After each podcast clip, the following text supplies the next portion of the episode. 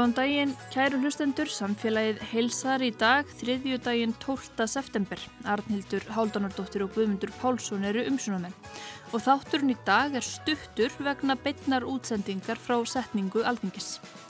Nú talið að næri 3000 hafi látist í jarskjáltanum stóra sem varði í Marokko á förstu dag. Þetta eru miklar hamfarir og afleðingarnar eru graf alvarlegar. Rauðikrossin bregst alltaf við þegar svona áföll verða og við ætlum að ræða það við Solrúnu Marju Ólafsdóttur teimistjóra alþjóðaverkefna hjá Rauðakrossinum á Íslandi.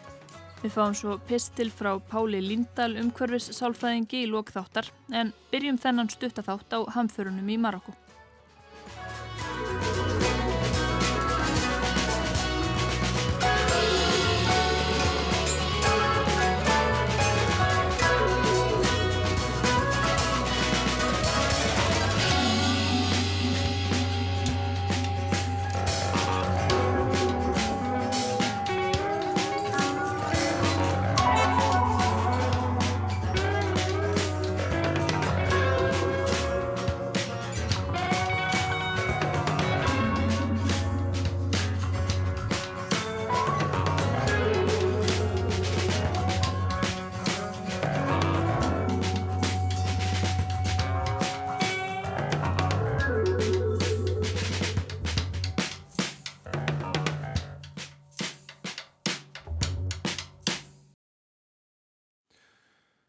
Ætlum að tala aðeins um uh, hamfæriðnar miklu sem urðu í Marokko núna fyrir helgi þegar að stóri jarskjálti reyð þar yfir og allir gríðalög tjóni. Og það tali núna að uh, tala þeirra sem að létust í þessum þessum jarskjálta uh, síðan nálgast 3000 manns. Og þarna er ljóst að það hefur orðið hafa voruð miklar hamfarir. Uh, hús hafa runið, vegir hafa farið sundur, skriður hafa fallið og svo framvegs og það er ljóst að samfélagslegu áhrifin eru, eru mikil. Og Rauðikrossin, hann bregst nú alltaf við þegar svona verður, svona hamfarir verða. Og hún er sérst í okkur Solrún Marja Ólastóttir, hún er teimistjóri alþjóðaverkefna hjá Rauðikrossinum á Íslandi. Verður velkomin til okkar. Takk hella. Þegar svona gerist, hvað, hvaða viðbrað fer þá í gang? Sko fyrsta viðbrað er hjá því landsfélagi, Rauðakross eða Rauða Hálmannafélagi sem er á svæðinu. Í þessu tilfelli er það Rauði Hálmannin í Marokko og hlutverk Rauðakrossins er að vera tilbúin þannig að þeir fara strax á stað um, bara í samfélagunum því að Rauðakrossin samastendur á sjálfbóðaliðum. Það eru 8000 sjálfbóðaliðar hjá Rauða Hálmannanum í Marokko og þeir fóru strax á stað og tóku þátt í leitar og, og björgunar og eru mikið, eru veita þá fyrstu hjálp og sálrunarskindi hjálp leggja svolítið ástöðu á þegar var líka verið að flytja slasaða á sjúkrahús og flytja úr byggingum og þess áttar sem það eru fyrstu viðbröð en alþjóðarhefingin tekur þátt, þetta er eins og það er gríðarlegar, gríðarlegar hamfarir og, og verkefni sem að engin einn aðeli getur tekist á við og það er yfirvöldi landinu sem að stýra og, og fara fram að aðstóð og Rauði Hálmónin í Marokko hefur líka beðið um aðstöðu alþjóða sambandsröða krossreyfingarinnar og þeir hafa þegar sendt þá fjö, það er mikilvægast að senda pening frekar heldur en að senda vörur og vistir strax sko, mennum við erum að skoða hvað skoða hverjar þarfinnar eru, hvað er til staðar, hvernig er þetta að gera þetta. Og út af þetta hefur verið eins og nefndir vegir, yðurlæðir þetta er upp í fjöllunum mikið, eða það er svona, verstu skemmtinnar og, og fólk varð verst úti og þá, þá tekur tíma rauninni bara að taka út hvað þarf, hvað nákvæmlega gerðist og, og, og skipilega geta. Þannig að þeir byrja á að senda fyrir og núna er þeir líka búin að senda út ákall um aðstóð í formi starfsfólks. Og við erum að skoða það til dæmis sem bara hluti af Rauðakrossreifingunni sem er alveg 190 landsfélag hvort að við getum sendt starfsfólk. Og við höfum þegar fólk sérfræðinga þá í neðaviðbröðum sem eru tilbúinur að fara. Já. og þannig að það kemur bara ljós í, í dag að hvort einhverju fara frá okkur. Þannig að það er að koma fólk frá mismunandi landsfélögum en þeir sem er að leiða þetta er Rauði Hálmónin í Marokko Já, og Rauði Hálmónin og Rauði Krossin þetta er, þetta er rauninni sama Já, Já þetta er einn hreyfing, við kallum okkur hreyfingu Já. og svo er alþjóða samband Rauðakrossins og Rauðahálmannans sem samhæfur okkur. Við erum rauninni samskona landsfjölu hvort sem við heitum Rauðakrossin eða Rauðahálmannin. Við öll virkum vinnum eins, við höfum ákveðið samband við yfirvöld í hverju ríki og gegnum ákveðið hlutverki til að mynda í, í neðaviðbröðum. Þannig að Rauðakrossin og Íslandi og Rauðahálmannin Marokko eru rauninni samskonar félög og saman vinnu við öll saman. Þegar, þegar eitthvað gerist á þessari starðagráðu þá, þá þarf alltaf alveg sama hversu vel viðbúið ríki eru að þarf alltaf utan að komandi hjálp til að takast af og svona. Þannig að já, við erum bara hluti af, af því viðbræði og ekkert bara rauðakrossheifingin heldur bara mörg félag og samtóku og ríki. Og þarna verður þessi atburður, það verður þarna þessi stóri jærskjaldi og það er strax ljóst að þarna hefur orðið mikið tjón og það er strax ljóst að, að þarna hafa hefur fólk dáið og fólk hefur slasast, mjög margt fólk hefur slasast uh, og aðstæður eru orðan mjög erfiðar. Uh, fer það bara í gang viðbrað já. hjá, hjá Rauðkrossum? Það er bara alveg um leið, þá er virkaður eitthvað áallanir eða...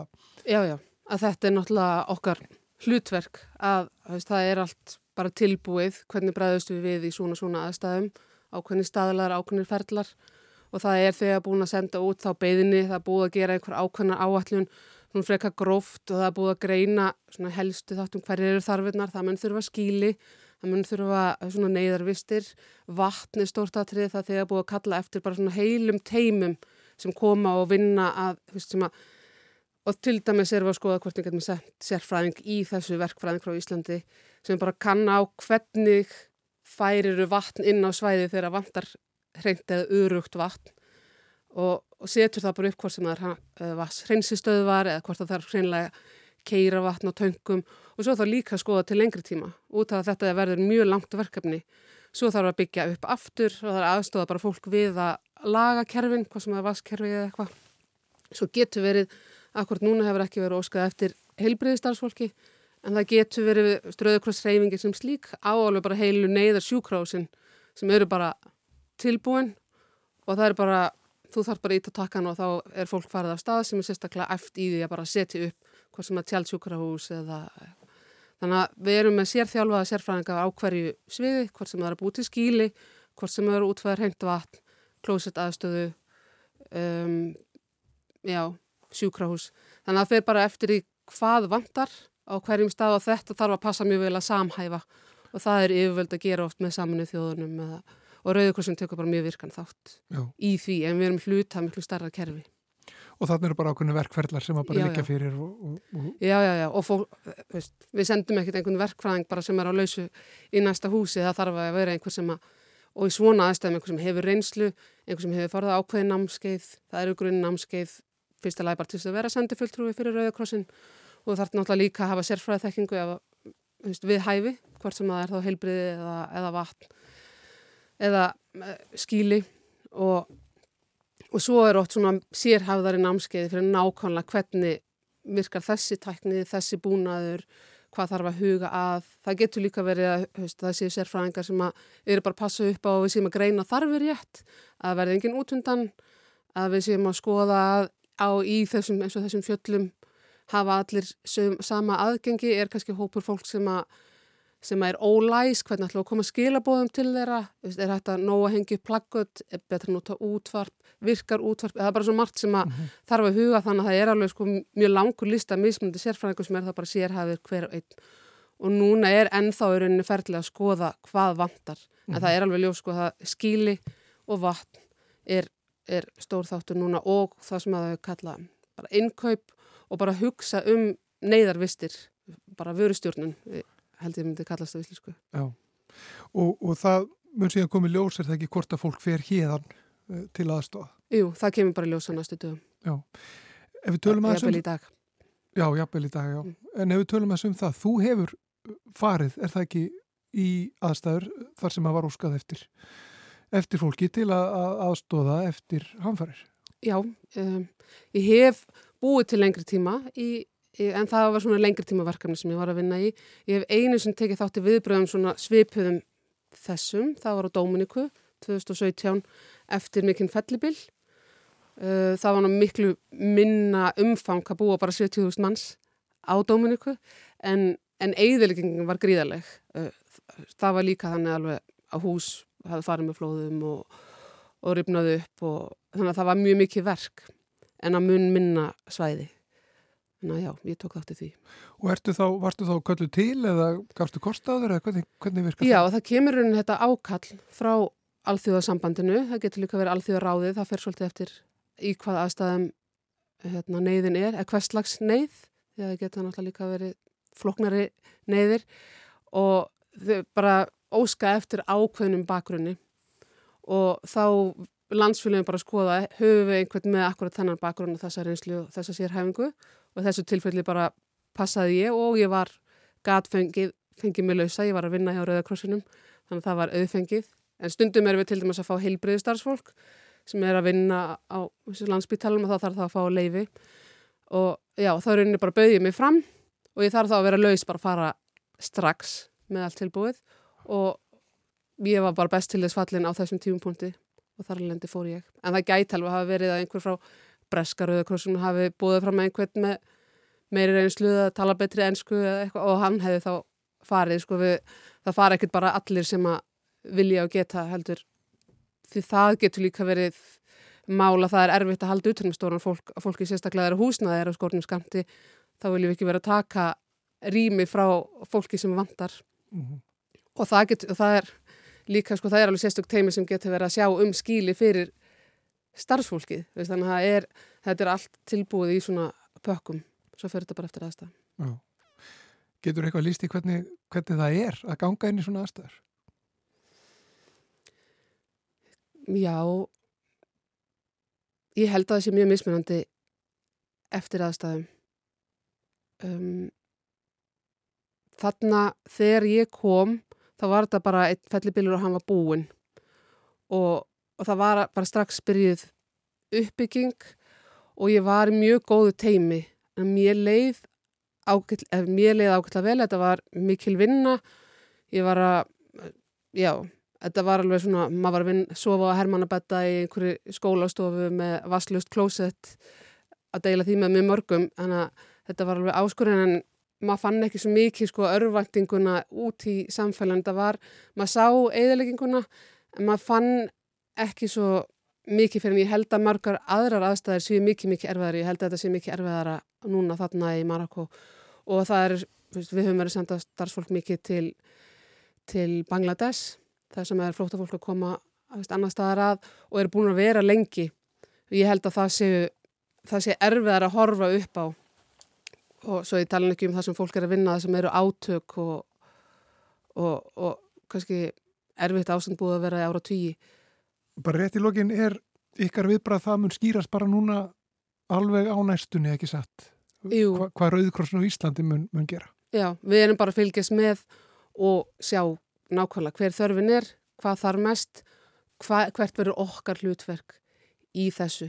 En mér, sí, mér sínist að við gætum, við sem líklega að fara að senda fólk, en þú eru ekkert eitthvað að segja, það er líklegasta leiðin mm -hmm. til þess að aðstofa.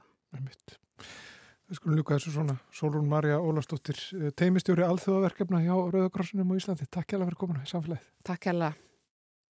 Og þá er komið að pisli frá Páli Lindahl, umhverfisálfræðingi. Stöðvarfjörður. Lítill fallegur fjörður á Suðausturlandi. Þar sem súlur tegja sig til himins sem á Mósfell og Lambafell. Lítið samnemt þorp stendur við fjörðin og þar hefur lífið í gegnum tíðina snúist um sjósókn og fiskvinnslu. Á stöðarfyrði er líka áningarstaðu ferðamanna sem skipa sér á bekk með þeim allra fjölsóttustu á Östurlandi. Steinasapn Petru. Siglufjörður. Nyrstur fjarða á Tröllaskaga með bröttum fjöllum til begja handa. Samnemt þjættbíli stendur við sunnanverðan fjörðin og var það á síldarárunum eftir miða síðustu öld, fymta stærsta bæjarfélag landsins. Þá snýrist lífið þar um Silfur Hafsins. En svo kvarf síldin og allir það miklum umskiptum og samdrætti á mörgum sviðum. Síldin og Siglufjörður sögðu samt ekki skili við hvort annað því árið 1991 var opnað sapn sem dregur að sé þúsundir gesta á hverju ári. Síldarminjasapnið. Og þau eru fleiri söpnin. Þorbergsetur að hala í Suðusveit, þar sem ég og móður mín, Guður Jónsdóttir arkitekt, komum alltaf við á leið í vinnutarnir fyrir austan. Minning ritt snillingsins Þorbergs Þórðarssonar er þar heiðruð með afar fróðlegum og aðgengulegum hætti í húsi sem á sér enga hliðstöð á landinu og þó víða væri leitar. Þekkingasetur Suðurnesja er í Sandgerði, draugasetur er á Stokkseri, en það hef ég aldrei þóraði heimsækja. Svo er skrimslasetur á Bíldudal, þaðan sem sonur minn þá barnungur þurfti frá að hverfa fyrir nokkurum árum, slík voru áhrifin af návist við skrimslinn. Það er byggðarsafnað skóum, landnámssetur í Borganesi, kvalasafn á Húsavík og heimilisiðnaðarsafn á Blöndósi, svo eitthvað sé nefnt. Öll bera söfnin metnaði og vinnusemi fagurt vittni og innlegg þeirra til handa náttúru, menningu og sögu er augljóst. Mikilvægi þeirra í þái vendunar og fræðslu er óvéfengjanlegt. En hvað skýrast sína þessi söfn hvað djörfung og hugmyndaauðki eru stert afl? Þessi eiginleiki að vilja hafa áhrif á umhverfi sitt, sjá og nýta tækifærin í vannýttum auðlindum sem eru svo sannarlega handa við hvert horn. Niðurstaðan er allra hagur, vakstarbrótur, sigur samfélagsins. Í meira en 60 ár sapnaði Petra Sveinsdóttir á stöðafyrði steinum af einsum gerðum og störðum og bar þá heim til sín. Þannig að úrvarð eitt stærsta og glæsilegasta steinasapn í enga eigu í veröldinni allri. Á Siglufyrði var gripin svo hugmynd að gera gullöldinni hátt undir höfði og nú dugar ekkert minna en fimm síningarhúsnaði undir herliheitin. En það er ekki bara söfn sem bera framtagssemi og fjörlegu hugmyndarflugi fagurt vittni. Þúsundir manna kaupa á hverju ári hugmyndina um fiskidægin mikla á Dalving og mæta þangað sjálfum sér og öðrum til ánægi. Og rockháttíð alþýðunar aldrei fór í söður á Ísafyrði er aðdráttarafl fjölda fólks um hverja páska. Sæluvika í Skagafyrði og humarháttíð á höfni Hotnafyrði sem emitt var haldin í 30. sinn nú í sumar. Það sem gerir þessa viðburði svo sérstaka, svo upprunalega og ekta, er að þeir eiga rætur sínar í samfélaginu og mótast af því. Það var snemma vors árið 1991 að Leifur frendi minn ringdi í mig og sagði Já, sætt góðu minn, í sumar ætla ég með þig í Skagafjöldin og sínið er hvar Íshafið löðrar við strönd. Fell, Sauðanes, Kolkuós, Málmei, hrópaðan svo í síman til að leggja áherslu á mikilvægi orða sinna. Ég þurfti að lifta símtólunu frá eiranu, slík voru lætin. Bless, hann skellt á.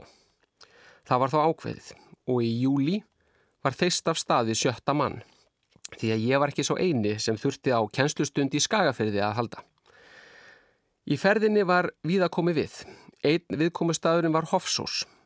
Lítið þorp við austanverðan skagafjörð sem eitt sinn var einn helsti verslunastöðu landsins en mátti greinilega muna sinn fívil feguri.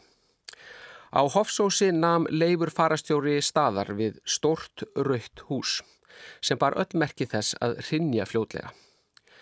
Gamla póstöðarhúsið. Í þessu húsi er ég fættur. Tilkynntan hátilega titrandi rödu. Það kom greinlega við hann að sjá fæðingastaðin og æsku heimilið í slíku ásikomulagi. Ég leiti kringum mig. Klálega var Hofsós holdgerfingur hinn að fallandi byggða. Engver tíman hafði verið líf þarna en það líf virtist laungu horfið. Dag 1 vorið 1992 ringi leifur. Já, ég sætt góðu minn, fara í sumar í Skagafjörð þar sem Ísafið löðra við strönd, Málmei, Fell, Bless, Sauðanis, Bless, hann skellt á. Aftur var komið við á Hofsósi og viti menn, þar var nú heldur betur búið að taka til hendinni. Gamla póstöðarhúsið hafði gengið í gegnum enduníun lífdaga, var nú orðið blátt og búið að opna þar kaffihús, Solvík. Leifur var þrifinn. Já, sko, sagðan og gekk svo hringin í kringum húsið. Já, ég skal segja ykkur það. En þetta var bara byrjunin, því að í framhaldinu varð algjör kúvending á Hofsósi með vestufarasafnið í brotti fylkingar. Hofsós var þeitt helsta aðdráttarafl skagafjörðar og einna vinsælustu viðkomustöðum ferðamanna Norðarlands. Og ekki hefur bygging sundlögar á staðnum spilt fyrir. Sundlögar með útsinni af dýrustu gerðinni. Hofsós er dæmum auðlind sem var látin afskipt en með elju og þrótti hefur verið nýtt í þáu samfélagsins. Á Hofsósi upplifum aður stemningu sem hverki annars þær í veröldun er hægt að upplifa og það eitt er nefnilega svo skemmtilegt og er raun merkilegt að í öllum heiminum sé bara til eitt stykki Hofsós. Það er líka bara til ein langabút á djúbáhegi, einn listigardur á Akureyri einn nýjidalur á Sprengisandi og einn þingeri við dýrafjörð. Gjör ólíki staðir, gjör ólík stemning. Það var á grunni þess að hver staður er í raun einstakur að reyfingin Chitta Slow var stopnuð árið 1999. Þegar að bæjastjórar fjögur að bæja á Ítalíu tóku sér saman um að veðja á bæjina sína. Skapa umgjörð og aðdráttarafl sem fengi fólk til að njóta sérstöðu þeirra. Og þar sem tímaleysi og hraði voru helstu áskórenurnar var verkefninu Chitta Slow ítt úr vör með 55 viðmið að vopni. Viðmið sem bóðuðu virðingu og vitund fyrir náttúru og umhverfi, menningarminnjum, uppbruna, staðbundinni þekkingu, samveru og samvinnu fólks. Þessari hugmyndafræði hefur verið vel tekið víða um heim og nú tæpum aldarfjórðungi frá stopnun hreyfingarinnar eru meira en 230 bæir og eða lítir sveitarfjölög viða um heim ornir aðilar aðinni. Og í því samengi má láta þess getið að við Íslendingar eignuðumst fulltrúa í Tittasló árið 2013 þegar að djúbavóksreppur varð aðili að samtökonum.